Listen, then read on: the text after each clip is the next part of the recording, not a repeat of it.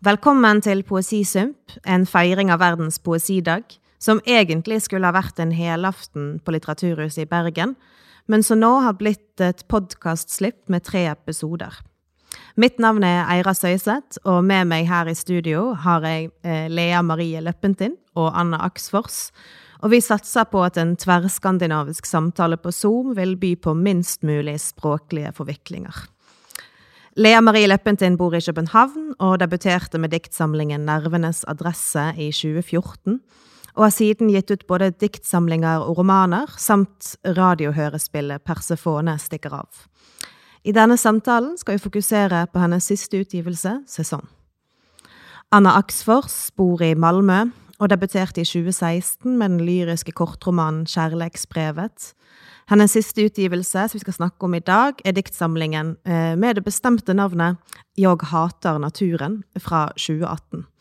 Axfors har også jobbet mye med poesi på digitale flater, med performativitet og utgitt poesi i chapbooks på norske AFV Press. I programteksten til denne posten står det også følgende blir dikterjeget i større grad tilskrevet personlige erfaringer og det private i dag. Begge to har skrevet samlinger som leker med erfaringer av jeget, så etter en presentasjon av de to, så vil vi bevege oss innover mot dette. Uh, vi kan jo begynne med deg, Lea. Hallo!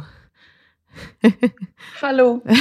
Hallo. Uh, hvem er, er du, holdt jeg på å si, videre, eller hvordan vil du presentere deg selv? Det er jo et vildt godt spørgsmål, og måske også det, som poesien i sig selv behandler, det her med selvpræsentation. Men øh, jeg tror i hvert fald, at jeg har, været, jeg har oplevet poesien som et, en genre, som man også kunne trække med ind i romanen, altså den her romansæson. Altså det hedder jo en roman, men den den arbejder meget med et lyrisk jeg, som, som ligesom redegør for handlingen, men også ofte bliver distraheret ret meget fra handlingen. Og det tænker jeg måske er sådan en måde, poesien tit opfører sig på, at den, øh, den ligesom lader sig glide med alle øh, distraktioner og gør dem til nye retninger, kan man sige. Øhm, så det, det er måske det korte svar. mm. Og så eh, kanskje du bare har lyst til å lese litt fra sesong, og kanskje yeah. si litt om hva, hva det handler om litt også. Ja. Ja.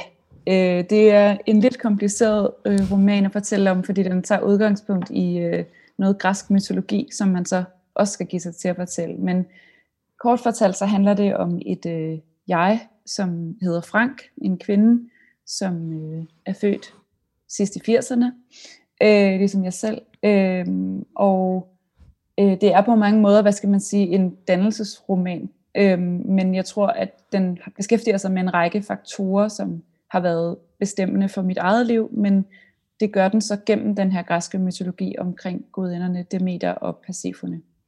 Så det, som den øh, bygger på, er, at gudinden Demeter, som jeg fortæller så på en måde lægger sig op af, hun mister en, øh, en datter, Øh, men den datter er i høj grad, hvad skal man sige, også mytologiseret, fordi den datter øh, får hun, den her jeg fortæller, da hun er 8, og datteren er sådan et insekt, den er en græshoppe, øh, men den låner ligesom noget af sin form fra den her myte om Persefone, som er den forsvundne datter i mytologien.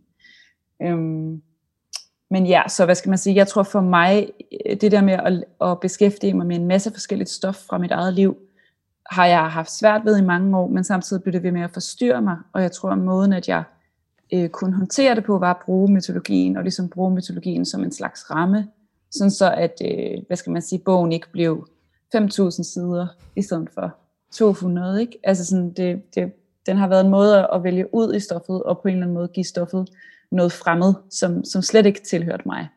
Øhm, ja, så jeg tænkte at læse lidt op fra, hvad skal man sige, øhm, nogle teenage, en, en, en slags øh, teenageperiode i bogen.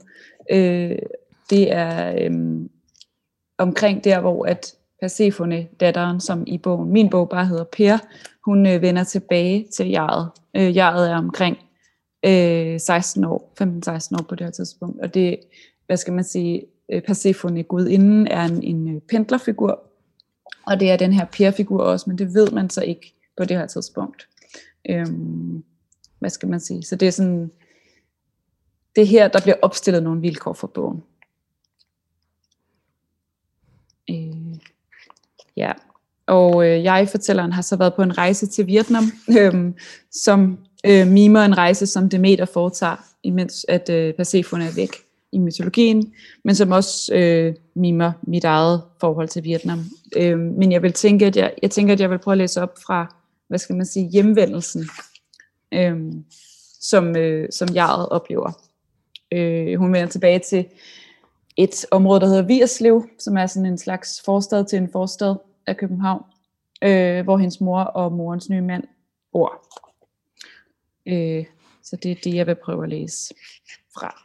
Og ja, moren har fået, en, øh, jeg har fået den her mand, og han har tre børn, som også er flyttet ind i huset. Øh, ja. Savnet efter Per var nu vendt tilbage til mig som et blåt mærke, der er blevet grønt og gult. Pludselig faldt det mig ind og kigge på det igen. Jeg opdagede, at et stykke tid var gået, og de nye farver gjorde mig kun vredere. Jeg besluttede mig for noget enkelt. Jeg straffede planeten med planetens egen straf. Vinteren kendte alle jo, så det var bare den, jeg udvidede i alle retninger. Istørken, som jeg lod brede sig, skældnede ikke mellem former eller materialer. Den konserverede ikke, som man ellers kunne have forventet af is men opblødte formerne for derefter fastfryse dem i deres nye ydmygelse. Grisene døde, køerne døde, hønsene døde, viden, roen og spælten døde, telefonnettet brød sammen, internettet brød sammen, træerne visnede og knækkede, og vindmøllerne stod helt, helt stille. Menneskene levede videre forskrækket. Jeg lagde mig til at sove på mit værelse derhjemme, stedigt. Jeg lå og talte græshopper, der fløj forbi. Jeg forestillede mig Per vende tilbage tusindfoldigt, at hun ville komme med sin sværm, at hun ville indvarsle foråret, og øjeblikkeligt herve alle de små nye skud. Kom tilbage, Pierre, til de andre med, viskede jeg fra min nye futon fra Ikea. Min lille plage, min store plage. Min mor forsøgte at komme i kontakt med mig, men jeg jo hende væk. Jeg fik besøg af en studievejleder, en sagsbehandler, en politibetjent, en dermatolog, en klærvoyant, en præst, en stedfar, en stedmor, en kat, en fugl, en knæler, et par buffalo-sko, cashmere, basement jacks, det elektriske barometer, en kamera, mobiltelefon, et terrorangreb, endnu et terrorangreb, min mors bryllup, min fars bryllup, min lille søster Sally stå, krigen i Afghanistan, en antikrigsdemonstration, krigen i Irak, en diamant, en kombucha-svamp, et basketballhold, en øjenskygge, et par rulleskøjter. Selv min lillebror Simon, han var stadig for lille. Jeg kunne ikke se ham ordentligt. Jeg gjorde det hele væk. Det var påskeliljen med de 100 hoveder, som havde stjålet Per. Påskeliljen og den samarbejde med jorden, som jeg nu straffede.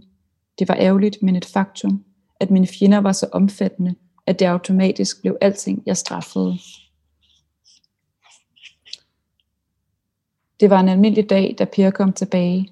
Jeg lå på futongen, som jeg plejede, og fastede mig gennem togen. Det vil sige, jeg lå og kælede for min sult, fordi den var verdens. Og så begyndte lyden af en boremaskine. Det var i hvert fald det første, jeg tænkte på, da jeg hørte lyden.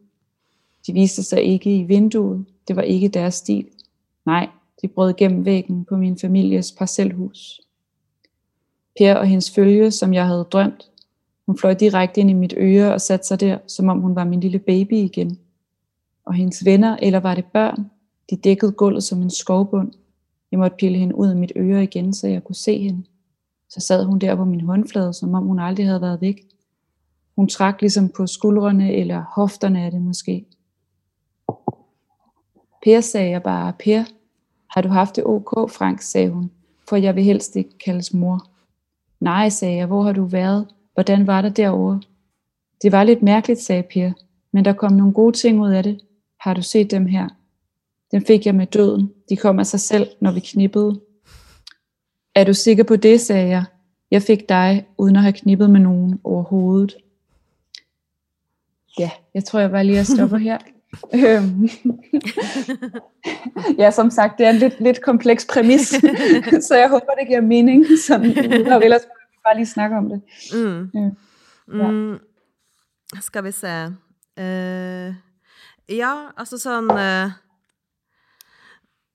Hvad hvad er det liksom med mytologien rundt altså Demeter og Persefone som har interessert dig? Altså, du har jo også skrevet det radiohørespillet tidligere i tillegg. Ja, jeg tror, at øh, lige præcis den mytologi har været rigtig spændende, fordi det, som jeg glemte at sige før, er selvfølgelig, at det er datteren Persefone forsvinder, fordi døden tager hende. Og det er ikke, fordi hun dør, men det er fordi, at Hades, som er dødsrigets gud, ligesom kidnapper hende for at blive gift med hende. Øh, så hun bliver ligesom hans kone. Øh, men der opstår så den her aftale om, at hun tilbringer en del af sit liv hos ham, øh, og en del af sit liv hos moren. Og det er sådan en slags sådan, skabelsesberetning omkring årstiderne. Og ideen om, at ligesom, når hun er hos sin mand, så er, så er der vinter på jorden, og når hun er hos sin mor, så er der ligesom forår, efterår, sommer, alt efter om hun er på vej væk, eller hvad hedder det, lige kommet tilbage. Øhm, og jeg tror, at det, der har været spændende for mig, har været, at mit liv har været præget meget af rejser. Øh, det her med at tilbringe tid i, vi boede tre år i, i Bangladesh, da jeg var barn. Fordi min far var udstationeret på ambassaden. Så der var jeg fra jeg var 8 til jeg var 11. Og så var jeg senere i Vietnam på baggrund af min fars arbejde der øh, et år. Og samtidig havde jeg så en del rejser i form af min, min families mine forældres øh, skilsmisser. Øh, de blev både skilt fra hinanden og senere skilt fra deres efterfølgende partner. Øhm, så hvad skal man sige? Jeg synes, mit, mit, mit, min opvækst var præget af mange skift. Øhm, mange, hvad skal man sige, forflytninger, mange sådan nye konstellationer. Øhm, det var helt klart også præget af en, en form for, hvad skal man sige, øh, luksus, ikke? Altså det er jo ikke en, hvad skal man sige, det er ikke en migrantfortælling. Øh, fordi det har altid ligesom været, hvad skal man sige, på, jeg har altid været tilhørt en majoritet, øh, i form af ja, min hudfarve og min etnicitet som hvid. Ikke? Så, så på den måde har det været sådan en slags overklassefortælling. Øhm, men øh, i hvert fald i form af de her udlandsrejser, fordi at man som udlænding er tilhører en, en, det bliver tydeligt, at man tilhører en global overklasse. Men samtidig har det også ligesom, har den der fortælling for mig også haft betydning, fordi jeg har den her øh, bi, øh, sygdom, som hedder bipolar lidelse, som består af hypomani og depression. Ikke? Og der tror jeg, hvad skal man sige, forestillingen om, at der var noget, der blev taget fra en, og som så kom tilbage, når man fik det godt igen, var på en måde, i, i lang tid i hvert fald, en måde for mig at forstå, eller sådan begribe, hvad det var, der skete. Mere end bare sådan, når i dag er jeg glad, og på den her helt vildt overstadige måde, og om to måneder, så er jeg ked af det af de samme grunde, eller hvad skal man sige, der er ikke nogen forklaring på, hvorfor at øh, humøret ikke er det samme. Ja, så jeg tror, at det er meget den måde, den myte har øh, ligesom fyldt på. Mm. Ja, du snakker jo om, øh, uh, Alla Frank i boken er jo også længere på ambassade i Dhaka, eh, og jeg har tænkt mye på, altså, det er jo mye eh, kolonialistisk eh, kritikk også i, i boken, og jeg synes det er interessant med kanskje det blikket Frank har på sig selv, altså som en del av ja, overklassen, eller ja, hvordan, hvordan var det på en måte å skrive Hvordan var det å skrive ut, egentlig? Eller sånn, eh, eller hva ville du Hva var du interessert i? Altså teksterne, som foregår i Bangladesh? Jo, sant, men også si, altså sånn at det er flere eh, Det er jo flere møter også med for eksempel eh, den ene eksmannen til mammaen, eh, som på en måte yeah. er kurdisk, eh, og liksom det der å, å, møte en av de som en taxisjåfør, etc. At, sånn her, at du ser jo en utvikling Eller at Frank ser på seg selv utenifra, på en måte, iblant. Øh, eller gjør? Jeg vet ikke helt. Mm. Jo, nej, men det giver god mening. Altså, jeg tror, jeg tror at øh, jeg, jeg tror, jeg spurgte til Bangladesh-teksterne, fordi det er noget af det første, jeg skrev, også mange, mange år siden jeg gik på forfatterskolen, hvor jeg startede for 10 år siden, små 10 år siden, ville jeg gerne skrive om det der, fordi jeg følte, at det var så, øh, så formativt for min, min familie og min, min ungdom, at vi boede der. Mine forældre blev også skilt som, som følge af det ophold i Bangladesh, fordi de havde meget forskellige holdninger til det at være udlænding. Øh, og min mor følte en meget stor skam over det at være øh, udlænding på den måde, og det drøbbede ligesom ned på mig, tror jeg, i høj grad. Øh, og jeg er stadigvæk, hvad skal man sige, jeg, jeg er stadigvæk meget præget af den den holdning. Øh, samtidig med, at jeg faktisk var meget glad, da vi boede i Bangladesh. Jeg havde det virkelig godt. Jeg gik på en amerikansk skole, som, som jeg synes var vildt sjovt, og jeg havde, sådan, jeg havde det sjovt. Så på en måde var det også en slags øhm, dissonans, ikke? Altså det der med, at vi var godt bevidste om, at det var et ekstremt fattigt sted, og samtidig var mit liv ikke præget af den fattigdom. Så jeg tror, det medførte en meget stor følelse af netop at være afgrænset. Altså, det var vi jo. Vi var jo konkret afgrænset fra verden, men jeg tror, den, min afgrænsethed fra verden kom på en eller anden måde til at bo i den der, øh, den der fortælling om den rejse, ikke? eller det ophold. Så jeg tror, at det der med det så sætter spor, at så min mors eksmand er kurder, og så møder jeg en, der kender ham i en taxa, eller som er taxachauffør, tror jeg helt klart, ligesom det er jo bare en fortsættelse af den, hvad skal man sige, øh, skam ved at møde sin egen familie, møde sin egen tidligere familie, kan man måske sige, via en fremmed i den der kontekst. Ikke? Jeg vil aldrig møde nogen, der kendte min mors mand øh, på øh, Harbo Bar på Nørrebrogade, eller hvad hedder det, i, på Nørrebro i København. Jeg vil aldrig møde nogen, der kendte min mors mand til noget litterært arrangement. Så det er jo ligesom sådan, man bliver bevidst om, tror jeg bare, at, at sådan, selvom man bor i et meget lille land, super lille land, så er, sådan, så er der nogle sådan klasser, som gør, som, som bestemmer, hvem man møder hvor. Øh, og det, er sådan, det tror jeg bare, at jeg i mange år har været sindssygt sådan ængstelig ved, men jeg tror faktisk, at jeg føler, øh, at med den her bog lykkedes det at fortælle det. Altså sådan, jo, jeg synes stadig, det er sørgeligt, eller sådan, jeg føler stadig stor sorg over rigtig mange forskellige elementer af den her familiehistorie, men, men den, jeg tror bare på en eller anden måde, den sådan fik en form, så jeg ligesom kunne forstå den. Hmm. Mm, det synes ja. jeg, ja, også absolut, uh, som uh, ja, en som læste den. Det går jo lidt uh, fort i svingene alltid, men uh, jeg tenkte, hallo Anna. Hallo. Hej. Uh, kanskje du også har lyst til at præsentere dig selv lidt først? Mm. Um, jag bor i Malmö och jag har, eh, ja, du presenterade mig förut, men eh, släppte Kärleksbrevet 2016 och Jag hatar naturen som en diktsamling 2018. Um, mm. Ska jag presentera boken? Det kan du göra. Presentera boken. Och så vill jag gärna höra lite uh, läsning också. Ja. Eh, det är en diktsamling som, eh, där jag, jag har lite svårt att säga vad den handlar om. Jag har lite svårt att se den på det objektiva sättet. Men vad jag ville att den skulle handla om, åtminstone, eh, det var ju just det här med jaget ganska mycket som vi, ska, som vi pratar om idag. Eh, för att det på något sätt eh, eh, upptar mina tankar väldigt mycket och har gjort det ända sedan jag eh, började skriva på allvar. Eftersom att jag ehm, alltid har eh, dragits till det här jaget och att skriva i jagform.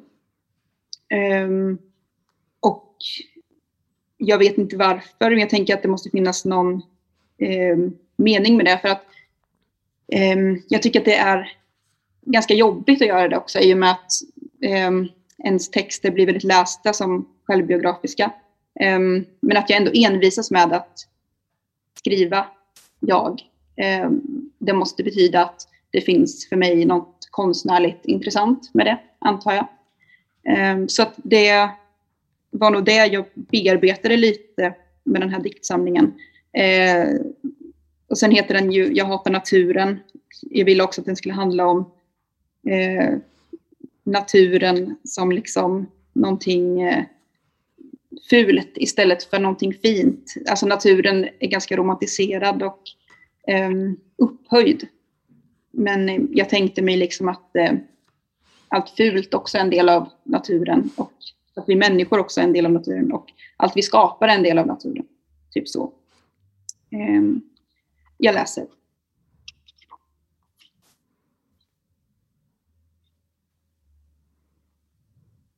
Jag skulle skriva något, en dikt, en rad. Men jag har glömt vad det var. Jag har glömt metaforen. Det var någonting med hav, naturens skiftningar i grönt. Allt är förvridet av dålig självkänsla och öl alla dessa ord man hade kunnat skriva. Jag vägrar gå miste om dem. Jag Jag skriver inte till dig, jag är inte längre den som älskar dig. Jag är tondöva, emaljtanden, emaljgrytan, life in mono, it must have been love.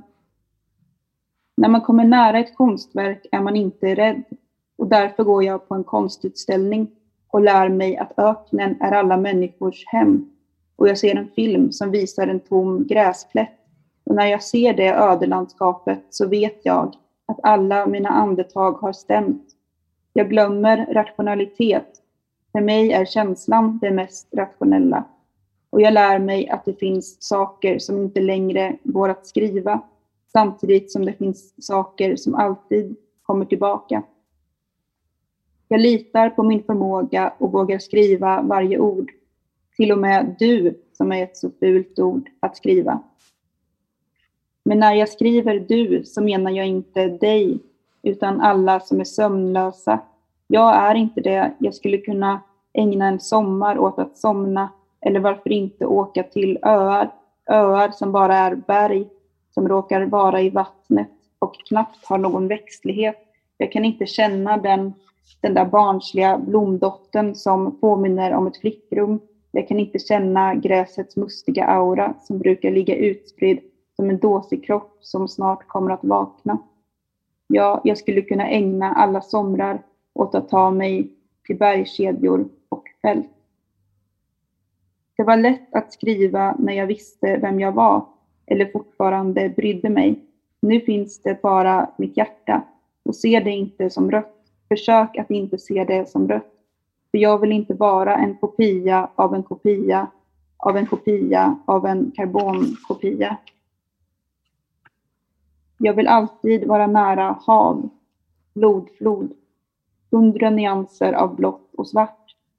Dagen är fångad i ljus, socker som smälter i vinden. Jag älskar dig, bär mig. Nu hoppar jag fram ganska mycket till slutet. Eller lite innan slutet. Jag hatar naturen. Jag står inte ut med att titta på månar natt efter natt. My loneliness is killing me and I must confess I still believe. Och jag står inte ut med att se regnet falla på mina nya skor. Men om inte naturen fanns skulle det inte finnas skor, för skorna har man, har man för att inte gå direkt på naturen. Varför kan man inte gå direkt på naturen? Så hård är den inte och förresten, efter ett tag skulle man vänja sig. Fötterna skulle bli hårda, hårdare än naturen. Om någonting kan vara hårdare än naturen. Människan hör till naturen och det är onödigt att säga människan förstör naturen. För det är naturen som förstör naturen, precis som allting i slutändan bryter ner sig själv. Nu lossnar något inom mig, som isen under den globala uppvärmningen. När mycket is faller ner i havet blir hav självt. Så, loss, så lossnar något inom mig och blir mig. Så, mm. tack. Mm. Tusen tack. I eh, en av anmeldelsene av den boken så var det jo en anmelder som umiddelbart skrev at hun eh, savnet all naturen. At eh, hun ikke forsto at uh, Altså, det var jo alt Det skjedde jo så mye som bare i stan at liksom uh,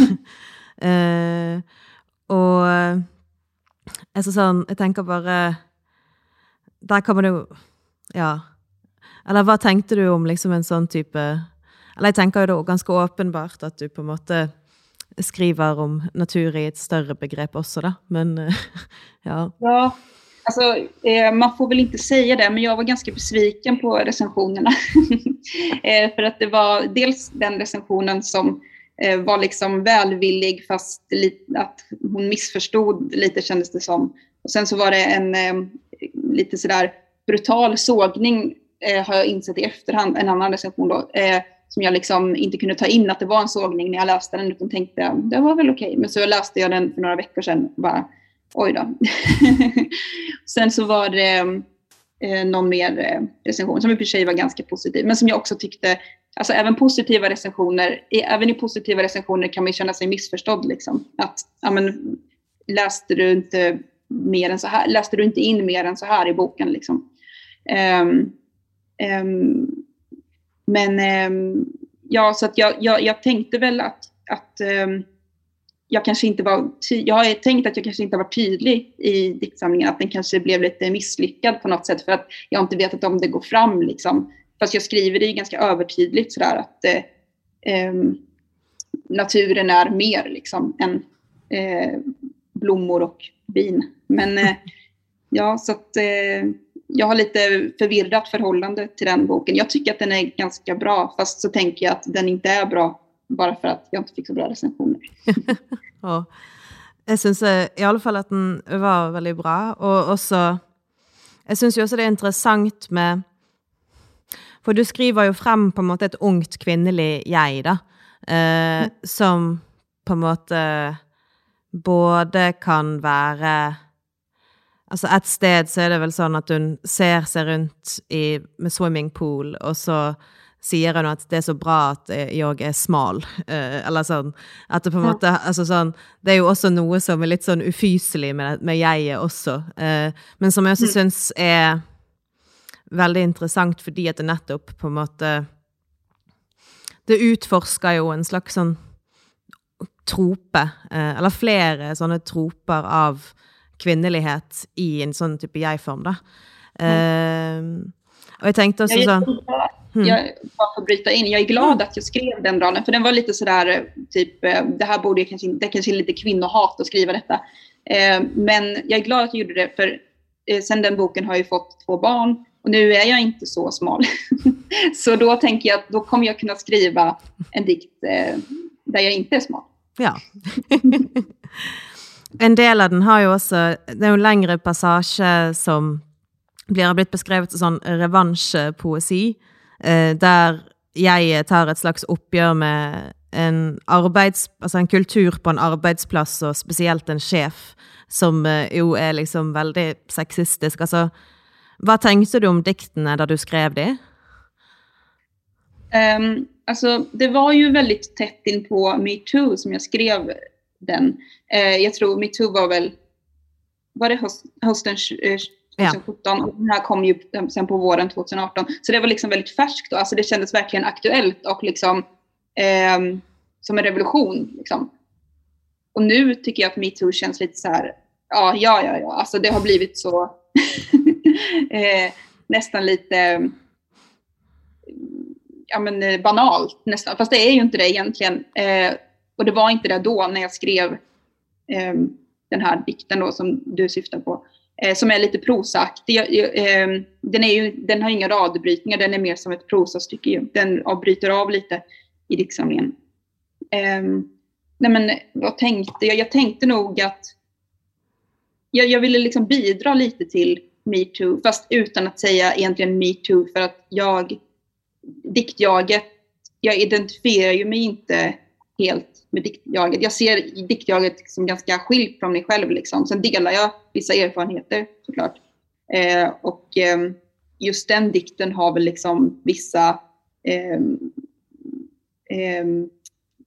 liksom likheter med saker som hänt i verkligheten. Eh, men jag ville nog eh, bidra med någon sån eh, metoo-berättelse som inte är så eh, det är liksom ingen våldtäkt utan det är någon sån här som man inte vet vad det är. Liksom. Alltså när man är med om det så vet man inte mm, vad det är för någonting. Eh, så det var nog det jag ville gestalta. Mm. Du citerar jo eh, Jacques Verrup i starten av samlingen, som sier att det her er litt oversatt til norsk. Eh, Gudskjelov så visste jeg at tusentalls av jeg må sverme i det som skal bli en biografi. Eh, mm. Og et, ja, eh, hva gjorde at du valgte det som ett, eh, som ett citat? Det var nog liksom för att försöka förmedla det här att, eh, att jaget inte är så enkelt. Liksom. Att eh, man kan använda sig av ett jag, eh, men att Alltså det finns tusentals jag. Jag har väldigt svårt att sätta ord på det. Jag, jag, jag har tänkt på de här grejerna i flera, flera år men jag kan fortfarande inte riktigt verbalisera vad det är jag liksom tycker. Um, för att dels så tycker jag ju att ja, men det är som om någon säger så här, eh, vad självutlämnande beskriver. Då blir jag så här lite defensiv. Liksom, vad, vad menar du med det liksom? Jag, eh, jag, jag har väl inte lämnat ut mig själv. Liksom. Samtidigt så förstår jag att man tycker det. Alltså, jag förstår det. Och eh, det kanske jag själv tycker ibland. Men med det här citatet så ville jag på något... Jag, ty, jag tycker att det beskriver eh, det som jag känner, liksom att det finns tusentals jag och de måste finnas. För att man ska kunna beskriva... Jag tror att eh, det är det här med varför jag vill använda mig av ett jag, som jag inte riktigt vet varför jag vill. Men eh, ibland, jag, jag, tror att eh, ibland måste man göra det för att läs, alltså, läsaren ska komma nära texten. Det kanske är det som jag vill. Att eh, man ska känna liksom att eh, det är någon som talar till en. Jag vet inte. Mm. Vad tänkte du när du läste det citatet? Eller varför tyckte du att det var intressant? Kanske nettopp fordi at Kanskje nettopp fordi at det på en måte Eller jeg syns for det første at det var et godt uh, sitat. da. At liksom uh, uh, At det finnes veldig mange jeg i en biografi eller i, i en tekst. da. eller sånn så ja, Virginia Woolf har jo den der altså sånn, at hun skriver altså, 'like myself, but not quite myself'. Eller sånn.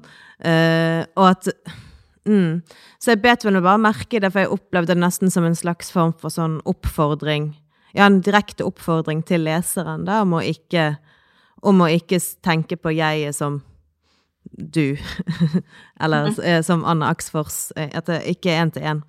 Og at det liksom ja.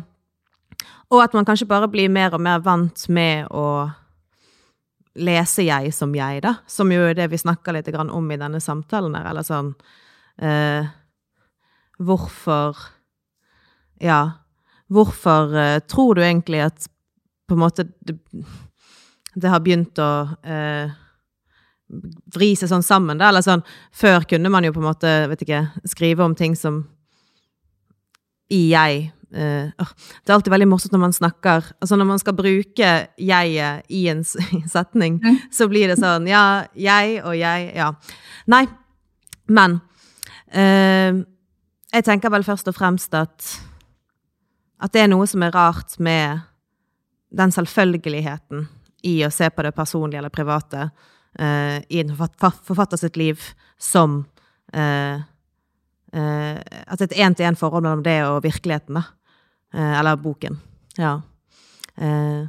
Det är, roligt, det är en väldigt tydlig instruktion, men det känns som att det spelar ingen roll hur mycket man säger det. Alltså mm. ju mer man säger så här, det är inte jag, desto mer tror folk att det är jag. För då tror de att man bara försvarar sig. Liksom. Vad tänker du om det? Ja. Ja. Men det, det kanske är, man kanske gärna vill Alltså, det kanske på något sätt bryter illusionen. Liksom. Om en författare säger att det inte är jag, då eh, man bryter liksom illusionen. Alltså, att eh, författaren är ju kanske en del av verket på något sätt. I alla fall nu i samtiden kanske det är så. Och då kanske man gör sig själv en otjänst om man säger att eh, eh, man inte vill identifiera sig med jaget. Mm. Men likevel så er det jo sånn at altså, noe av forfatteren vil jo alltid være i boken fordi at det er forfatteren som skriver boken. Eller sånn. Ja. Mm. Så det går jo Ja. ja. Eller hva tenker du om det, Lea? Er du uh... Jeg tænker mange forskellige ting. Mm. Øhm, I forhold til citatet der i starten, af Annas bog, så tænkte jeg bare, altså jeg synes også, det var et rigtig godt citat, men jeg synes også, det var bemærkelsesværdigt, at det starter jo med det her med, jeg stod midt i kærligheden, og opfordrede forgæves mig selv, føl noget. Jeg tror, det, jeg, jeg tror, det er sådan, man siger det. Altså, Shan betyder at føle, ikke? Mm. At føle noget. Mm.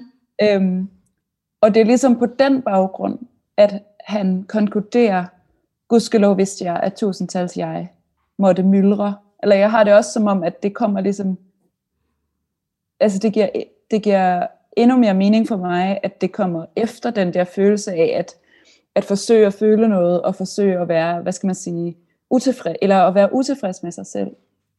Øhm, på den måde synes jeg bare, det var mere komplekst, end, end spørgsmålet om de mange jeger. Altså mm. fordi der er det der Walt Whitman citat, som er meget sådan beat, beat omkvæd, ikke? som er sådan noget, I contain multitudes. Øh, og det er jo meget den samme idé, men jeg tror bare, at sådan, jeg synes, det var lidt mere ydmygt, det her stykke. Fordi det, det kom ligesom på baggrund af en, en frustration, eller en, en vrede med sig selv. Hmm. Jag, det, var, det var så länge sedan jag läste det här, eh, alltså den diktsamlingen. Jag minns inte riktigt vad kontexten var faktiskt. Jag, bara, jag var bara egoistisk och kände igen mig i detta och tog det. Ehm, mm. Ja, men det, altså det, der er jo sikkert mange større, altså det er jo en, en hel digtsamling, forestiller jeg mig. Det, jeg kender heller ikke den her forfatter, men jeg, jeg blev bare blevet meget mærke i det, du havde taget med. Altså det, du havde citeret som helhed, det var jo faktisk en kontekst, ikke? Fordi mm. det er det her jeg, der står midt i kærligheden, og er sådan vred på sig selv, som jeg forstår det, eller frustreret. Mm. Så det var bare i sig selv, synes jeg, er ret vigtigt. Hmm. Mm. Øhm. Men jeg synes, det som jeg synes, der er hårdt, eller sådan med det der med forfatterjeget, det er, at at jeg føler, at man skal sådan vælge, eller man skal sige sådan, nej, det er ikke mit jeg, eller ja, det er mit jeg. Altså, fordi det er jo det, som jeg har fundet glæde ved at bruge den der mytologi. Det er ligesom, at jeg har været sådan, jo, ja, men altså, I må gerne, I må gerne læse den her bog og tænke, at det er mig, Lea, der øh, på en eller anden måde er afsender på det. I må også godt tænke med jer selv, om at alt, hvad der står, er noget, jeg har oplevet. Men I kan måske også bare tænke sådan, det her er et elastisk jeg, Hmm. som ligesom Men eh, känner Ja. du liksom att du inte bryr dig så mycket om vad folk tror eller tycker? Som Øh, jag som bryr mig, alltså det, det är en jättestor grej för mig liksom. Och jag vet att jag inte borde bry mig, men jag gör det ändå. Nej, men altså, jeg vil ønske, at, øh, at jeg ikke brød mig om, eller at jeg ikke gik op i det, men det gør jeg rigtig meget. Altså, jeg er super, super øh, forfængelig og super sådan øh, irritabel i forhold til modtagelsen. For eksempel bare i forhold til det der, du sagde med gode anmeldelser, hvor man kan føle, at positive anmeldelser ikke forstår teksten, Mm. som jeg forstod, du var inde på før. Mm. Altså det synes jeg også, jeg har, altså jeg har også oplevet at få meget negative anmeldelser. Øhm, men jeg har også oplevet at få, for eksempel på sæson, en anmeldelse fra en, øhm, for, en, en person, der også selv er forfatter, øh, som skrev, som anmelder fast i information, som er sådan den mest sådan, intellektuelle avis i Danmark, -agtig, som skrev sådan, jamen for mig, så er Lea Løbentin, hun er digter, og sådan, det, det, det er lige meget, om der står roman, jeg går bare øh, på opdagelse i sproget, og det er bare så spændende for mig, og det er ligesom at være i en have, og sådan nogle ting. Og det, altså, det gør mig faktisk virkelig sur, fordi jeg vil virkelig gerne sådan, sige nogle ting med min bog. Jeg vil, som Ejra er inde på, jeg vil virkelig gerne tale om sådan, øh, lande, som er meget tydeligt, altså europæiske kolonier, og sådan, jeg vil gerne tale om vidhed, jeg vil også gerne tale om psykisk sygdom og depression og sådan noget, øh, og jeg vil gerne tale om kærlighedsforhold, altså sådan, jeg vil ikke sådan skrive flotte digte, altså jeg ved heller ikke, det er ikke fordi jeg tænker, at nogle digte som ikke betyder noget, jeg tænker, at alle digte betyder noget, men det var bare som om, at hun brugte hun brugte det som undskyldning for ligesom ikke at interessere sig for, hvad der stod i bogen. Eller, og det, Ja. det synes jeg virkelig er ærgerligt. Altså, Men det Ja, det känns kan- som att recensenter gör så ibland att de, eh, de vill att det ska vara en annan bok. Liksom. De kanske har bestämt sig redan på förhand vad de vill att det ska vara. Ja. Så, mm. Men bra kritiker läser ju boken som den är, tänker jag, och skriver om den utifrån vad den är och inte utifrån vad man önskar att den skulle vara. ja, eller sådan, man kan jo ikke, altså, det, er bare, det virker bare så, så primitivt på mig at sige sådan, øh, her er en form, jeg kan lide, og derfor vil jeg sådan feste i formen, eller sådan, og jeg vil ikke tænke på, hvad den form så fortæller, eller sådan, hvad den gør. Mm. Ja, Mm. men du har nok ret, det har sikkert noget at gøre med, hvad man gerne vil have, at bogen skal være, eller sådan, man bare sådan, mm, Mm. ja. Altså, spørsmålet i denne programteksten er jo eh, er jo på en måte en påstand, da, mer enn et spørsmål. Men det er jo blir dikterjeget i større grad tilskrevet personlige erfaringer og det private i dag? Eh, og så vet jeg liksom ikke Eller det er jo jeg som har skrevet programteksten, da. Men jeg, men jeg var litt sånn spørrende til det selv, da. Eller sånn eh, Tenker dere at den blir det? Nu ska jag se om jag förstår. Alltså att diktjaget eh, blir... Eh, I s- eh, at, at, det er, at man i større grad tenker at dikterjeget er lik forfatterjeget i dag Mm. enn før. Eh, ja, men det kanske är så lite för att det, det har kommit så mycket autofiktion liksom och då har, man, har läsare vant sig vid att läsa på det sättet kanske. Eh, kanske. Ehm, det är ju så idag, det, så är det ju. Eh, alltså som när jag släppte min bok, eh, min debut, Kärleksbrevet, eh, som handlar om eh, en tjej vars mamma är döende. Alltså, som jag skrev till er inför det här samtalet så var det ju kanske lite korkat av mig. Alltså jag borde ju förstått att folk skulle tro att det hade hänt. Eller det förstod jag väl också. Men eh, på något sätt så kanske jag eh, ville retas lite också sådär att vad ska de säga nu liksom när de kommer tro det och sen så är det inte så. eh, det blev ju lite sådär eh, kanske konstigt i vissa intervjuer och så. Eh, för att det var så upplagt för att jag skulle prata om det som att det var någonting som jag hade upplevt. Eh, och när det inte var det så blev det lite weird. Ja, hva skulle jeg liksom tale om da? Eller prate om? Men når du ikke har en død mor, Anna, hva Skal man snakke om boken? Det blir jo litt, eh, det blir jo litt rart. Nei. Ja. ja. men kanskje det også er det som er liksom eh, Eller vi snakket jo om det med liksom premisset til bøkene, da. Eh, Og kanskje det er det, da, at hvis, hvis forfatterens bakhistorie er viktigere enn premisset i boken, for, altså i intervjusammenheng, så er det kanskje noe som, som begynner å vakle litt, grann, eller være på litt sånn ustadig grunn. Ja.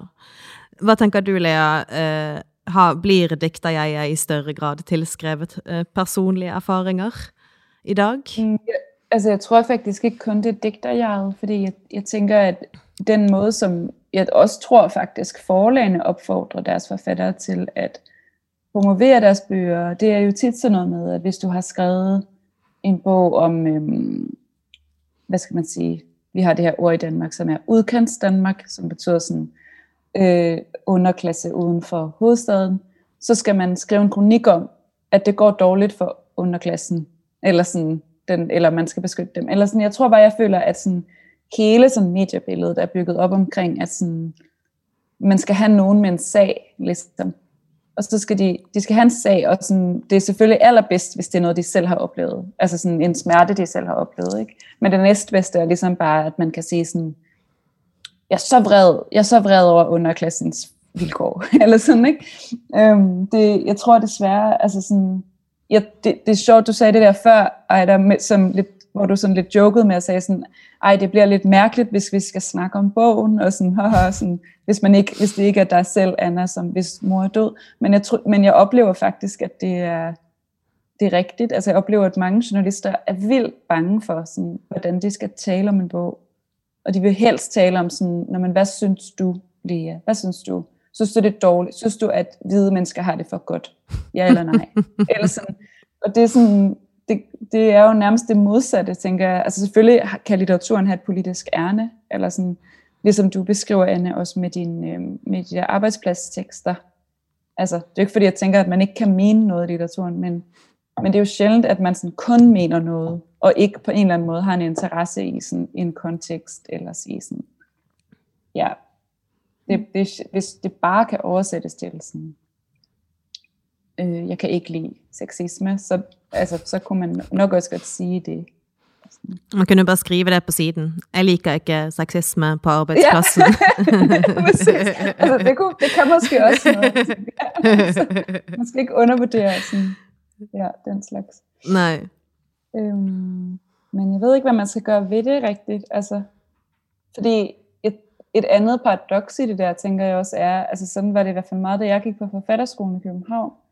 Der var, øh, hvad skal man sige, en digter, som hedder Lars Skinnebak, som øh, har, er meget kendt i Norden for at være sådan, øh, hvad skal man sige, øh, klimakritiske digter, og har lavet forskellige fysiske øvelser, har lavet musik, øhm, men han er også, hvad skal man sige, meget optaget af det her med at være kritisk over for jaret. Og sådan, som lærer var han i hvert fald også sindssygt optaget af, at man ligesom ikke, som forfatter skulle man ikke interessere sig for et jeg på en eller anden måde psykologi, eller altså det skulle ligesom være den enkelte linjes poesi og kraft og utopi, der skulle sådan vise os, vise os at vi ikke behøvede jeger. Og jeg, kan, jeg har stor sympati for Lars. Altså sådan, jeg kan godt, jeg har været glad for hans undervisning, og sådan, synes, han er sympatisk, men jeg oplever også, at der er en stor bevægelse i poesi. Det er ofte at den bevægelse i poesien, som gerne vil flygte allermest fra jeget, er også den, dem for hvem jeget kommer til at fylde allermest. Eller sådan, det er ligesom om, at jo mere man ligesom vil flygte, jo mere strammer det om en. Øhm, og det tænker jeg bare, altså jeg tror, da jeg var yngre, var jeg meget sådan bange for det der med sådan, åh, jeg vil ikke være den person, der bare skriver om mig, og sådan min biografi, eller sådan noget. Og det, som jeg har oplevet de sidste par år, har bare været, at sådan, jeg kan jo ikke skrive min biografi, fordi jeg kan ikke overskue mit liv. Jeg, men til gengæld har jeg været sådan virkelig hjemsøgt af nogle tematikker, som blev ved med at forstyrre mig i alt, hvad jeg lavede. Og nu hvor jeg har skrevet om dem, har jeg faktisk sluppet dem. Altså sådan, jeg er ikke så, øh, jeg har, den, den bog jeg skriver nu er en, en ægte roman i den forstand, at den har en masse, øh, den har en masse hovedpersoner. Der er meget tredjepersons fortælling. Og det er en masse mennesker, som, og også lidt nogle, der ikke er mennesker, som er sådan en slags golems. Men altså det er i hvert fald ikke, der, der er en masse ting, som jeg troede, jeg skulle skrive om altid, som jeg bare slet ikke er interesseret i længere. Så, så på nogle måder kan man måske også ligesom skrive sig igennem noget. Jeg hoppas att jag också ska skriva en riktig roman någon dag. Ej, jeg ved heller ikke, hvad en rigtig... Jeg ved, det er ikke for at sige, at jeg ved, hvad en rigtig eller en forkert roman er, fordi jeg heller ikke læst din uh, debutroman, Anna. Men jeg tror bare i hvert fald, jeg oplever med mine egne romaner, at de har været... Jeg har skrevet to, og den ene er meget et teater, det består meget af dramatik, og har derfor også mange jeg-stemmer. Mm. Øh, og altså sådan, jeg er glad for dem, men jeg tror også, jeg tænker, at uh, det er på en måde stadigvæk digtsamlinger. Altså fordi de er stadigvæk, de er stadigvæk ligesom fokuseret meget ind i jeger. Mm. Og det tror jeg, jeg opfatter som meget, meget lyrisk. Hmm. Hmm. Ja, for hva, nå har vi på en måte snakket om sånn, ja, jeg og ikke jeg. Eh, men hva er det liksom eh, Hva er det som er gøy med jeget? Hva er det som er gøy med å Ja.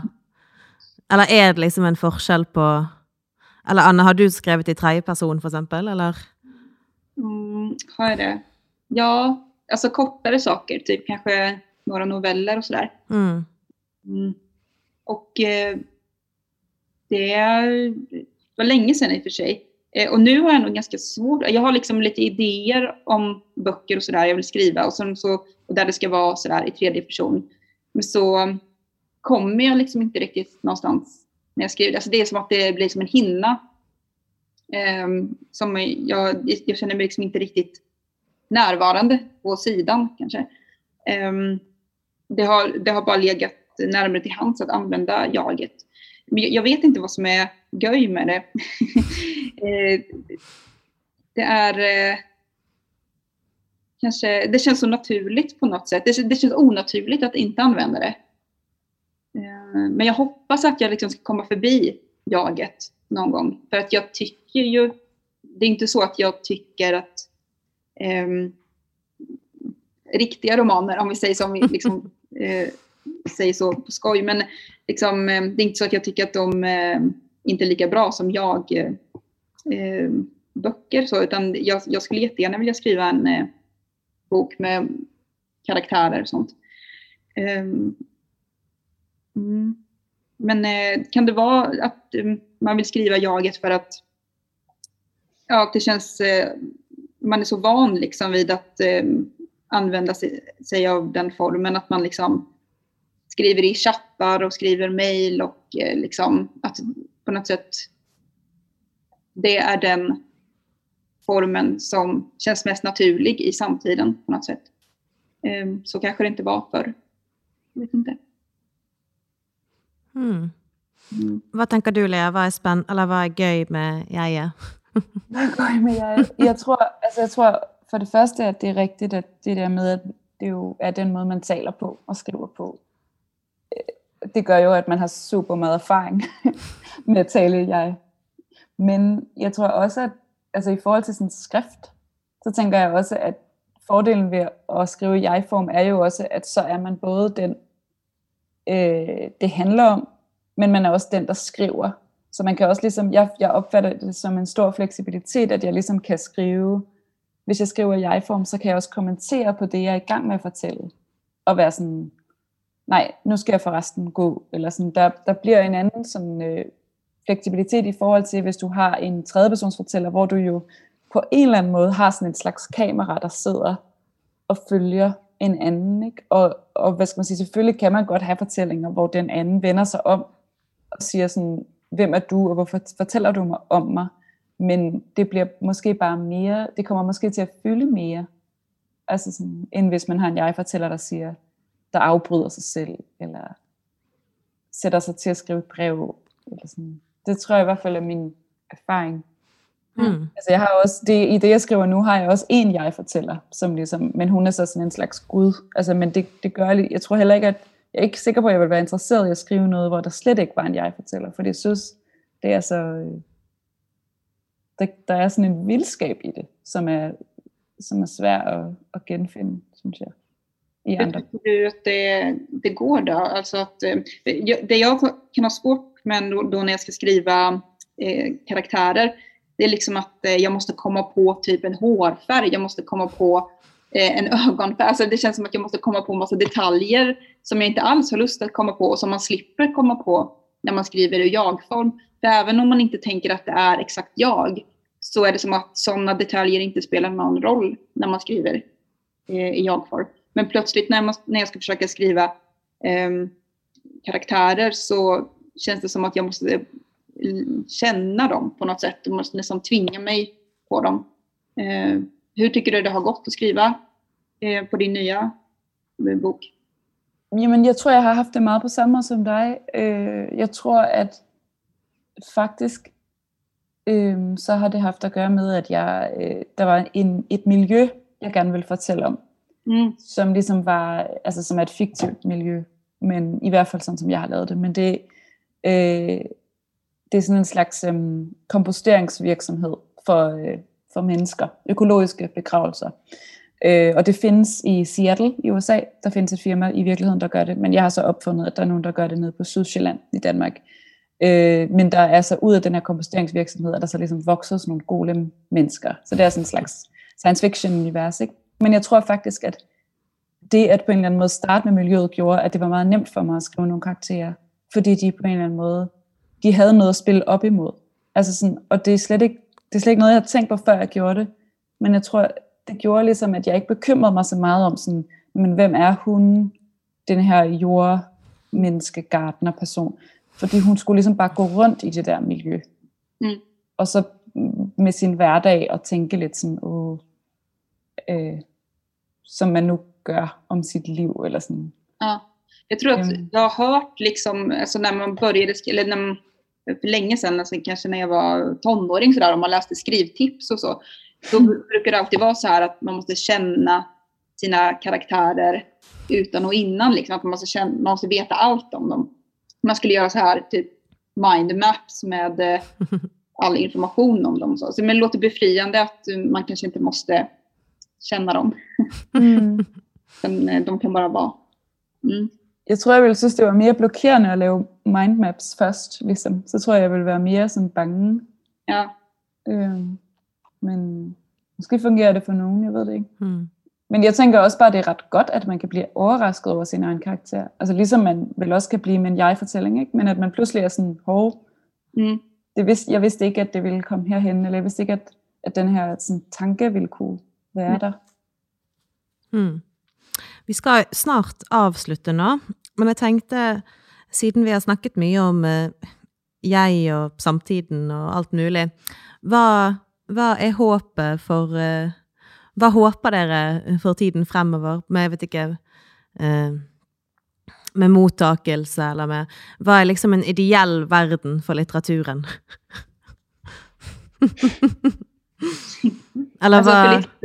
For överlag eller for mig som forfatter? Nej, for dig. Bare lad det være mm. dig. Ja, ja. Altså, eh, nu håller jag på med ett projekt som jag har hållit på med liksom flera år. Um, alltså det jag hoppas alltså jag, jag vill verkligen eh, eh, bli översatt. Det är mitt mål nu. Mm. Så ja, jag, jag liksom, eh, tänker att det måste hålla hög klass. Liksom. Eh, det tänker man väl alltid, men jag, det, jag har lite extra höga krav på det jag skriver nu. Att jag liksom verkligen vill skriva något jättebra. Det är mitt mål. Alltså, om man siktar mot stjärnorna så når man trädtopparna. Mm. Mm. Hvad med dig, Lea? Øhm, ja, altså, jeg tror for litteraturen, altså sådan for samfundet, vil jeg virkelig håbe, at man bare kan blive bedre til at læse, læse bøger. Altså sådan, fordi faktisk oplever jeg, at der er mange litteraturformidlere, altså for eksempel dig, jeg tror, at du skriver selv, Eirik, og oversætter mm. selv og sådan noget. Øh, så det, det er naturligt, at du også er ligesom god til det, men jeg, men jeg oplever også, at mange af den her type arrangementer faktisk, der kan man godt have en reel læsningssamtale, som jeg ikke oplever i litteraturkritikken eller litteraturjournalistikken. Så det vil jeg bare håbe kunne brede sig, sådan, så man bare sådan kunne være, synes det var interessant at tale om en sætning, i stedet for sådan, hvad lavede du, da du skrev den sætning, eller, sådan, eller hvad lavede du tre dage før, altså sådan, det vil jeg bare ønske. Øh, tror jeg. For mig selv tror jeg faktisk også, det der med oversættelse kunne virkelig være sejt. Det kunne virkelig være fantastisk at blive oversat til sådan et stort sprog. Mm. Altså engelsk eller tysk eller fransk. Ikke? det, det ville være vildt. Mm. Mm. Ja, så hvis det er nogle oversættere, som uh, hører på, så, så, er så er det to forfattere ja. som er klare her. Ja. Uh, tusen takk for at dere ville Ja, eller vet ikke, nå sier jeg komme hit, da. Altså, jeg sitter uh, i en to, et tomt auditorium med en svær TV-skjerm med Lea og Anna foran meg. uh, men ja, det finnes jo også lyttere til dette på et eller annet litt sånn rart tidspunkt, så takk for at dere ville høre på. Uh, og så er det to til podkaster i Poesisymp uh, som jeg håper at dere også vil se. Takk til Eller ikke se, men høre på. Ja. Eh, takk til Lea, og takk til Anna. Eh, og så eh, håper jeg at vi ses eh, in real life en eller annen gang, når ting er litt bedre. ja, det okay. jeg også. Ja. Mange takk.